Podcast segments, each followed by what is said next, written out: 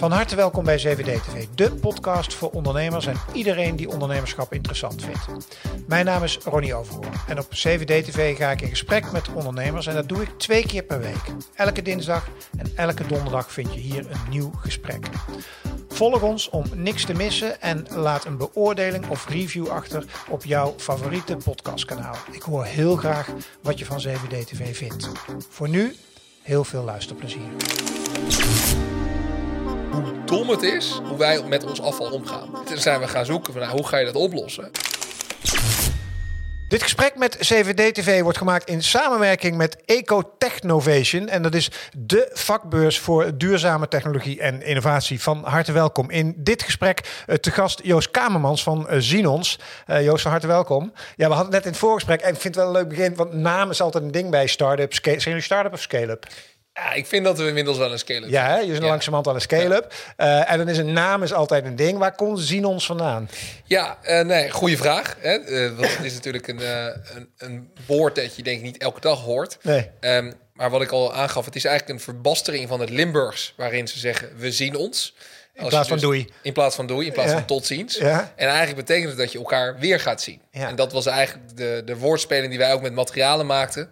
Vroeger gooide je iets weg en het was weg. Zag je nooit meer terug. En nu is de bedoeling dat het op een gegeven moment weer terugkomt in de vorm van een product. Dus eigenlijk is het uh, het afval dat tegen ons zegt, we zien ons. Want ja, precies. Het, het je gaat het als het goed is, je gooit die sinaasappelschil weg. Ja. En op een gegeven moment wordt daar een likeurtje van gemaakt, waar de olie uitgehaald wordt. En dan zit je in de bar s'avonds in hetzelfde restaurant, in spreekwoordelijk natuurlijk. Ja. Uh, en dan heb, neem je, je daar de... een slokje van. En dan heb je dus op die manier uh, je materiaal weer terug. Zeg dan meteen een klein beetje over het uh, bedrijf wat jullie hebben, Sinons. nogmaals, want in de, we maken een hele serie van dit soort gesprekken waarbij we eigenlijk gaan kijken naar bedrijven die met duurzaamheid, tech, innovatie in die hoek zitten. Nou, daar zitten jullie volgens mij vol in. Ja, zeker. Uh, leg eens uit, wat doen jullie? Ja, wij zijn een, een platform uh, voor duurzaam afvalmanagement. Ja. dat betekent dus dat we eigenlijk bedrijven helpen die afval hebben. En, en die, die zien dat als troep, daar moeten ze ja. vanaf. Ja. Um, en we helpen hen om die materialen dus niet weg te gooien, maar om ergens te krijgen bij een partij die daarop zit te wachten. Ja. Je hebt namelijk verwerkers die zeggen: ja, jij vindt dat misschien afval, maar ik zie daar wel waarde in. Ik, Ja, ik zie dat als een grondstof. Als jij dat voor mij uh, op de juiste manier aanlevert, dan kan ik daar nog wel wat mee. Zonder hessel. Want en dat, om dat zo makkelijk mogelijk te Precies. doen, precies dat, de logistiek te faciliteren. Nou, de bijbehorende wetgeving waar je dan aan moet voldoen, Ja. dat soort dingen. Ja. Ja, de- dat, dat netwerk eigenlijk aanleggen, dat je dus makkelijk in contact komt met die verschillende partijen. Die hessel, die lossen we eigenlijk voor je op. Maar zijn jullie in de kern een techbedrijf Ja, eigenlijk? ja absoluut. Ja. Oké, want wie, hoe is het ontstaan? Eh, hoe is het ontstaan is, nou, eh Jorn en ik zijn eh, iets langer dan drie jaar geleden zijn we begonnen Ja. met, ja, met dit ja, toch wel avontuur, kan je het wel noemen. Ja. Waarbij we eigenlijk ons ja, fascineerden over hoe dom het is, hoe wij met ons afval omgaan. Ja. Het idee dat je dus, als, zeker als Europeaan, een continent waarin eigenlijk alle grondstoffen opraken, dat we dat op grote schaal blijven verbranden. Nou, dat is natuurlijk iets wat ecologisch niet uit te leggen is. Maar economisch is het eigenlijk ook heel erg raar. Dat we dat blijven, het is gewoon dom. Ja. Ja. En dus zijn we gaan zoeken van nou, hoe ga je dat oplossen? En dan kom je er ook achter van ja, kunnen wij nou zelf eh, als, als twee gasten met een idee zo'n groot probleem oplossen? Nou, Wij zelf kunnen dat wel faciliteren. Ja, en daarom zijn we een stukje technologie gaan bouwen om al die partijen bij elkaar te brengen. Om hen in staat te stellen om dat te doen. Dus dat jij als, als ontdoener, zoals wij dat noemen, een partij die iets weggooit, Ja. in contact kunt zijn met al die verschillende verwerkers via één platform. Dat je met, met jouw verschillende stromen afval, dan moet je wel denken aan bedrijfsafval. Hè, dat Ja, het precies. afval wat jij er in de keuken hebt. Ja. Om grote volumes, Ja. eh, dan in, ja, eigenlijk kunt verbinden met de juiste partij. Want even, ik ben altijd practicus, dus ik zit altijd, Ja. ik, ik, als ik dan zo'n idee zou hebben, zou ik meteen denken, oh ja, hoe werkt dat dan? Ja. Nou, al die gedachten hebben jullie ook duizenden keer gehad waarschijnlijk. Als ik dan naar een thuissituatie kijk, oké, ja, we, hebben, eh, als het een beetje mee zit, heb je een grijze en een groene en een blauwe bak. En eh, je hebt een paar bakken, daar flik je het in en iemand komt het ophalen, de gemeente volgens mij. Ja, hoe, werkt dat normaal, hoe werkt dat normaal bij, stel ik heb een, eh, weet ik veel, een ziekenhuis of zo, Ja. en ik heb stik veel afval. Hoe, Ja. hoe is dat nu normaal geregeld dan? ja. Nou, als je dus een bedrijf bent, en dat werkt anders dan een huis, eh, huishouden, Ja. dan moet je dus zelf een afvaldienstverlener kiezen. Ah. Dus wie komt mijn afval ophalen? Dat is niet de gemeente die elke week Dat is niet de gemeente. Aha. Nee. En als jij een burger bent, dan betaal jij belasting. Nou, je, je bent hier inwoner van Bussum, dus betaal je waarschijnlijk, dat is denk ik de gemeente Bussum. Dat Ja, ja. Gooise Meer heet dat Gooise. Meren, Ja, die betaal jij netjes belasting. Ja. Ehm, en die Gooise Meren kiest dan hoe dat opgehaald wordt en in welke vorm en hoe dat gebeurt. Jij denkt dat is gratis, maar dat is niet gratis, daar betaal je flink voor. Ja, de ja, grote steden, de- ik woon zelf in Amsterdam, en dat, dat Dat is die afvalheffing of zoiets. Dus een soort Ja. belasting die ervoor betaalt. ja, die afvalstoffenheffing Ja. die je daarvoor eh, voor betaalt, inderdaad. En eh, dan moeten zij dat op de beste manier inrichten voor de inwoners. Ja. Maar dat gaat heel erg, de, aanname zit daarin dat het allemaal waardeloos is. Ja. Nou, met name dus in de grote stad. In, in Amsterdam is dat ook zo, want die vervuiling van die materialen die is best wel groot. Hè? Dus dat je als bewoner gooi je dat in een bak. Ja, als jij een eh papier, karton, zuivere grote hoeveelheid hebt, dan is dat best wel wat waard. Maar ja, wat we allemaal bij elkaar gooien in zo'n grote stad, is, dat is vaak niet zoveel waard. Dus de scheiding vindt niet goed Die plaats. scheiding is niet zo goed. Dat is vaak bij kleinere gemeentes is dat wat beter. Mhm. Maar waar het bij ons dus vooral in zit, is dat je dus eh, dat er wel degelijk materialen zijn die waarde hebben en dat je dat eruit wil halen. Dus Ja. als jij een, eh, je hebt een, een ik, ik denk dat dit altijd het makkelijkste te begrijpen is. Ja. Dus je hebt een grote loods eh, en je bent een, een logistiek bedrijf zoals een PostNL. Dan heb je ongelooflijk veel karton, maar ook wel van hetzelfde soort karton. Het, is, het kan ook heel schoon zijn, heel zuiver zijn. Dat karton in een grote perscontainer, dat is gewoon geld waard. Je moet wel de logistiek ervan aftrekken, want dat kost wel geld. Maar per saldo levert dat dat op als je zulke volumes hebt. Nou, dan is het heel erg zonde om dat niet te gaan verwaarden en om dat te verbranden. Zowel ecologisch is het natuurlijk zonde. Nou, karton is iets, dat doen we vaak wel. Dat snappen we, dat je dat goed kunt recyclen. Maar ook bepaalde hele zuivere stromen plastic zijn ook geld waard. Maar die, die bak plastic die jij hebt... en mocht je je plastic hier scheiden, je PMD... Ja, ja, doen we. dat is niet... omdat het dus zo'n klein volume is... en omdat het wel verschillende soorten plastics Ja, door elkaar heen precies. is... Ja, de kosten die je moet maken om dat uit elkaar te halen met nascheiding, de kwaliteit die je daarvan krijgt en de logistieke moeite die je moet doen om dat kleine beetje van jullie op te halen, ja, dat kost nog steeds geld. En dat is niet interessant in jullie model. Dus jullie zoeken echt naar bedrijven die bij wijze van spreken Ja. 10 kilo aan Nou, hetzelfde soort plastic.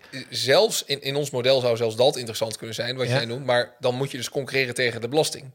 Dat kan niet, want dus de, eh, de gemeente die ontvangt jouw belastinggeld, maar als ik dat als Ah, ja, bedrijf ga zitten doen, Ja, ja, ja. dan moet ik het dus ook gratis gaan doen bij jou. Dus dan moet je dat hele model Dus misschien om- kan ik het wel goedkoper dan de gemeente, maar ja, dat is, dat is niet zo interessant. nee, nee. Dus jullie richten je eerst op bedrijven, grote organisaties. Ja. Want even laten we het concreet maken. Want ik las, jullie hebben een paar grote, jullie hebben hele grote overheidsopdrachten ook, toch ja, gewoon? dat klopt. Ja, de Rijksoverheid. Dat bedoel ik. En, wat haal je dan, waar haal je dan allemaal hun afval op? Zeg Ja. maar?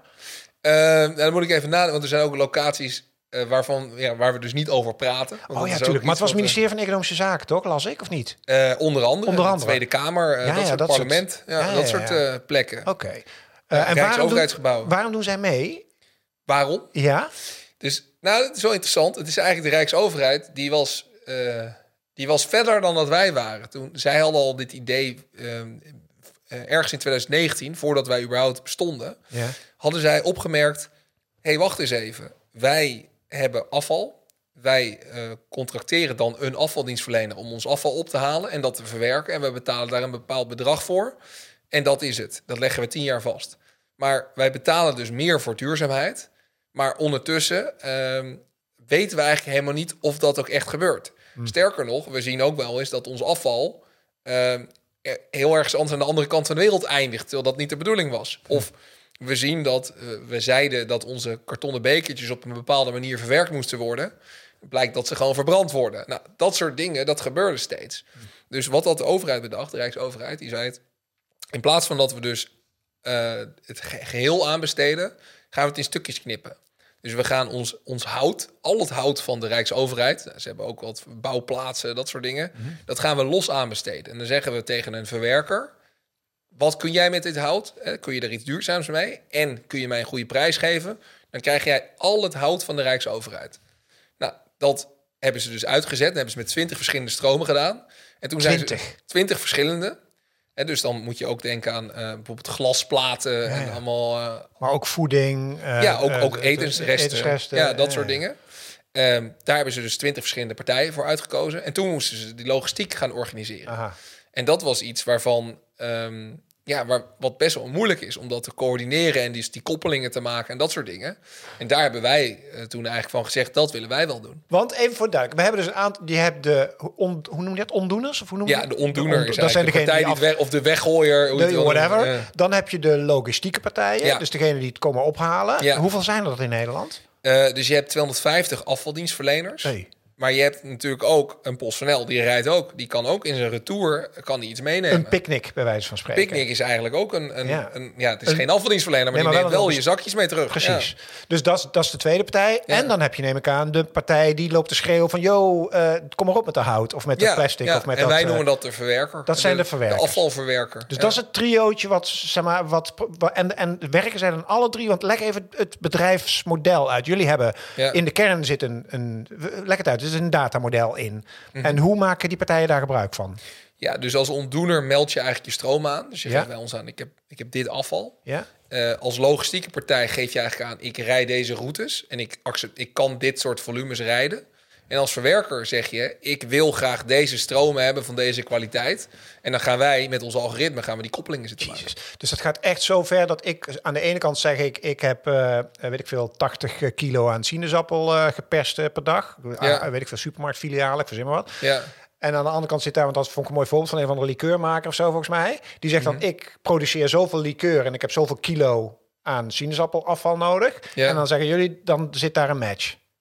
Ja, ja nou dat is dan, daar zit uiteindelijk wel wat vraagtekens aan. Want dat is, die match willen wij dus maken. Ja. Dus als er zowel een partij is die er vanaf wil... Ja. en er is iemand die het wil hebben... Ja. en we kunnen het vervoeren... Ja. dan maak je die match. Tegenwoordig, zeker dit jaar, we spreken 2023 dat we elkaar spreken, is AI zo'n beetje de buzzword op dit moment. Hè? En, en zelflerende systemen. En in hoeverre passen jullie dat toe in jullie eh, technologie?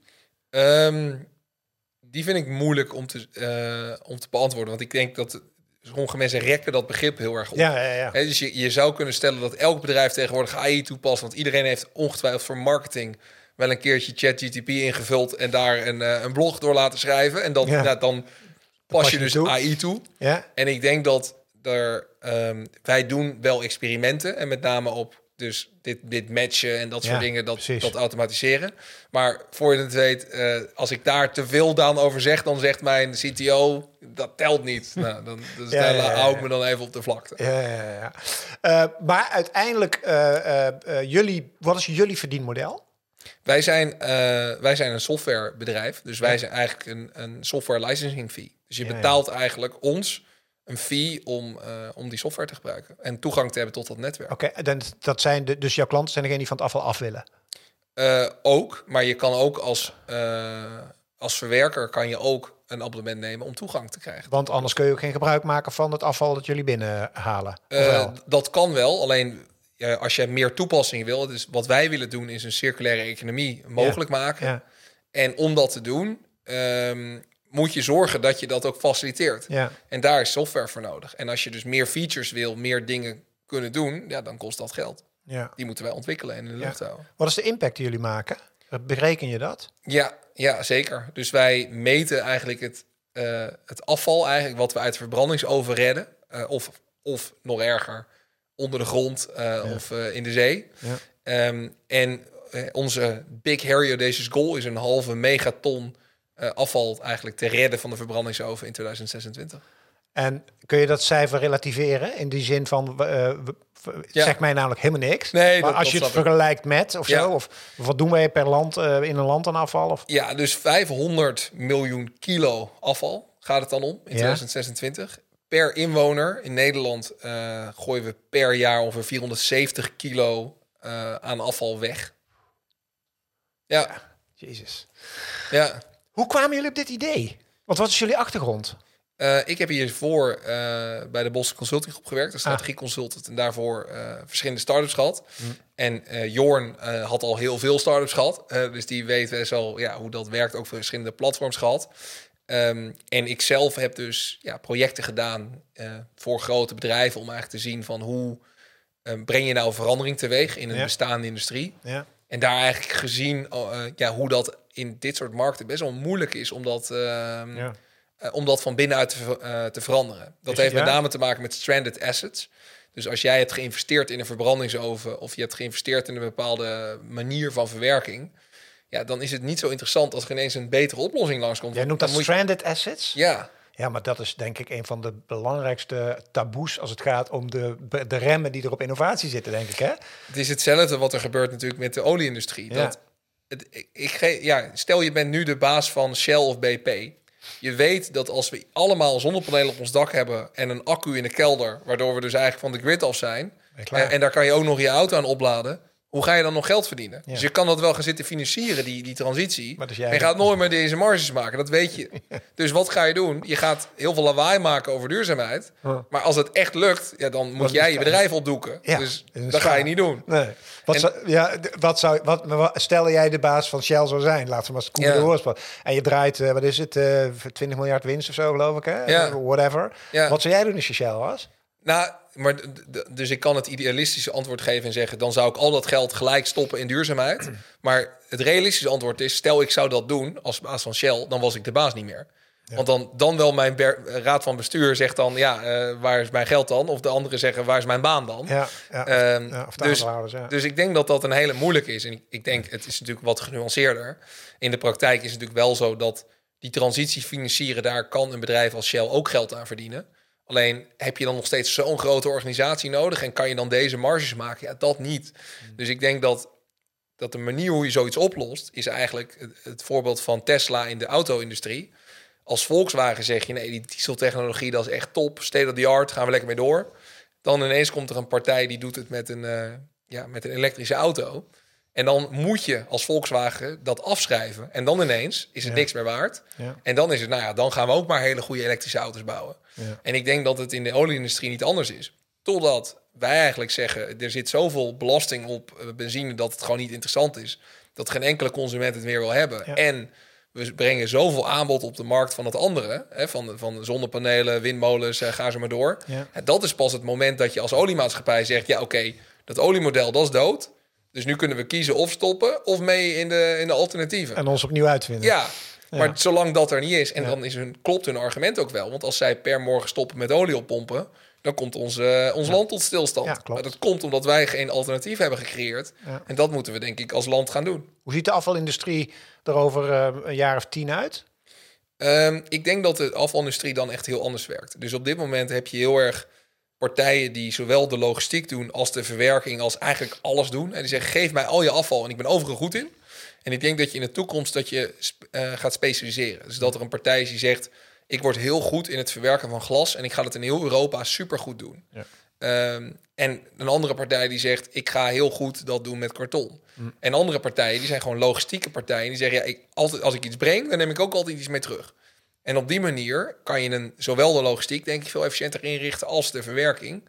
En er ontstaat denk ik een wedstrijd om eh, straks zo duurzaam mogelijk voor de beste prijs iets eh, goed kunnen verwerken. Eh, en hetzelfde op de logistiek.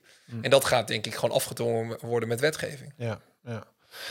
Laatste onderwerp wat ik nog met je wil behandelen, het stukje ondernemerschap. Ja. Eh, want jullie zijn een, waanzinnig aan het groeien. Zit, ge- dat financier je niet alleen maar zelf. Dat Ja. kan niet, denk ik. Eh, Nee, niet. nee. Was het maar zo'n feest? Ja, eh, voor alle zeg maar, eh, jonge ondernemende gasten die hierdoor enthousiast worden en denken, ja, weet je, ik ben ook bezig. W- Hoe hebben jullie dat georganiseerd? Ja, ja goede vraag. Ik denk dat dat ook ehm, een van de mythes was waar ik zelf ooit voor ben gevallen. Ja. Dus toen ik voor het eerst ging ondernemen, toen dacht ik hoe dat werkt is op een gegeven moment dan sta je onder de douche en dan denk je Eureka en dan heb je een supergoed idee en dan ga je de volgende dag ga je dat bouwen en dan eh, dat doe je dan in je garage en dan, zo doe je dat en dan, dan gaat dat gewoon heel hard en dan wordt het één groot succesverhaal. Nou, dat is de eerste keer dat ik ben gaan ondernemen, is het ook echt zo gegaan. Maar dat is niet gelukt. maar ik ben wel zo gestart.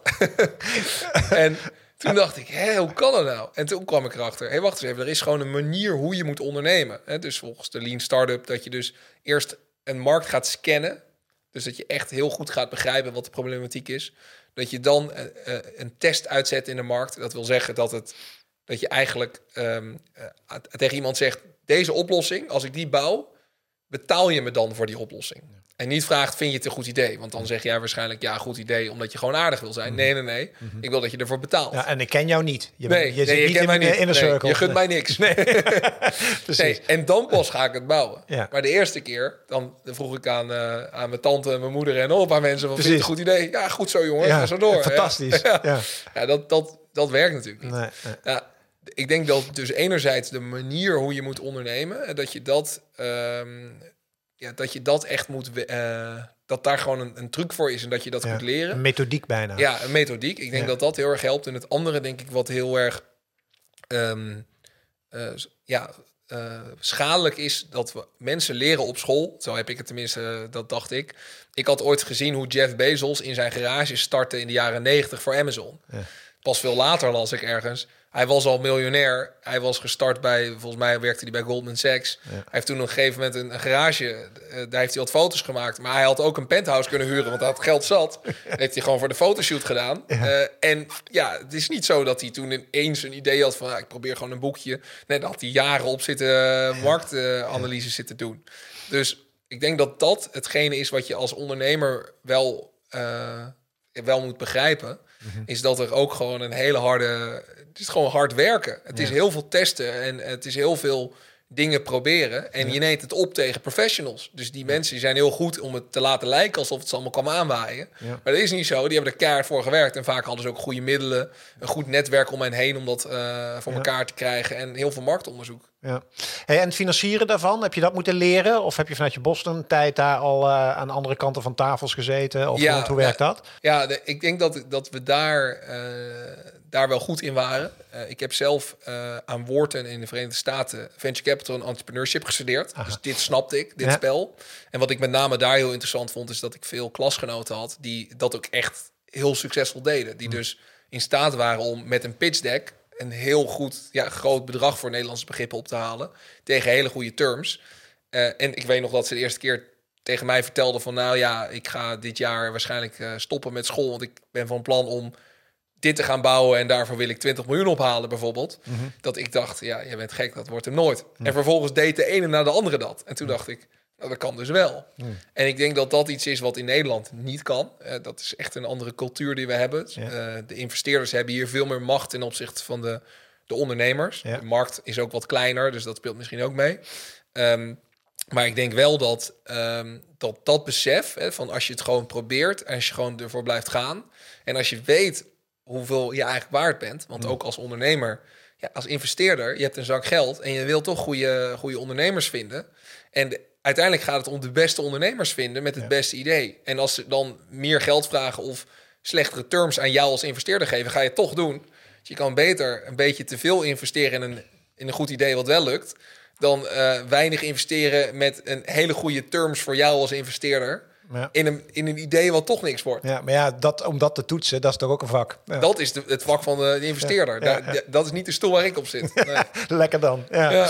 Eh, wat een verhaal, man. Super. Eh, ik wens je heel veel eh, succes de komende jaren met het prachtige werk wat je doet. Dank dat, Dankjewel. je, dank dat jij mijn gast was. Ja, vond het leuk. Dank je. En eh, dank voor het kijken of luisteren namens eh Ecotechnovation natuurlijk. Want die vakbeurs die is ergens eind 2023. Maar het is super tof dat zij de partner zijn van deze programmaserie. Want dan kan ik dit soort prachtige ondernemers interviewen. Dus dankjewel voor het kijken. Eh, heb je geluisterd? Eh dankjewel voor het luisteren. Zit je nou op CVD te kijken op YouTube en je denkt... hey, dit zijn eigenlijk toffe gesprekken. We hebben er veel meer. Dus hieronder kun je abonneren en dan mis je helemaal niks meer. En zit je op een podcastkanaal, ook daar kun je uiteraard abonneren op CVD TV. Voor nu, dankjewel. Hoi. Dankjewel voor het luisteren naar deze podcast.